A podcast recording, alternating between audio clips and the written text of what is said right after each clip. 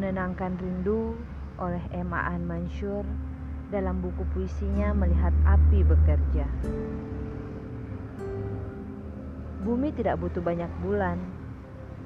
Bulan sendiri pandai dan kekanak-kanakan. Dia bisa jadi pisang ambon, mangkuk pecah ibumu, atau martabak utuh jika kau lapar. Dia akan meretawai kerakusanmu atau menjadi penuh ketika kau kosong. Biarkan bintang padam sebagian dan langit tetaplah satu-satunya yang tidak mudah kau tebak.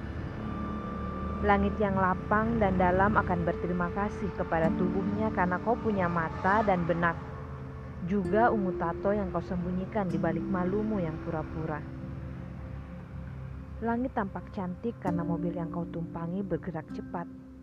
Jendela mobil mogok bukan pasangan yang cocok buat kaki langit. Langit bekerja keras. Dia membutuhkan satu hari yang cerah dan kekosonganmu yang gerah untuk membuat matahari sore seperti lukisan atau kota kebakaran.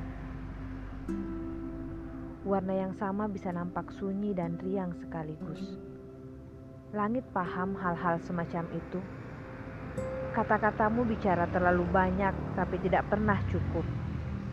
Langit selalu cukup dengan cuaca dan pertanyaan-pertanyaan. Jangan percaya pada kartu pos dan kamera seorang petualang. Menyelamlah keingatannya dan temukan senja selalu basah di sana. Kau hanya boleh jatuh cinta kepada ingatan yang menyerupai langit, rentan dan tidak mudah dikira. Dia meninggalkanmu agar bisa selalu mengingatmu.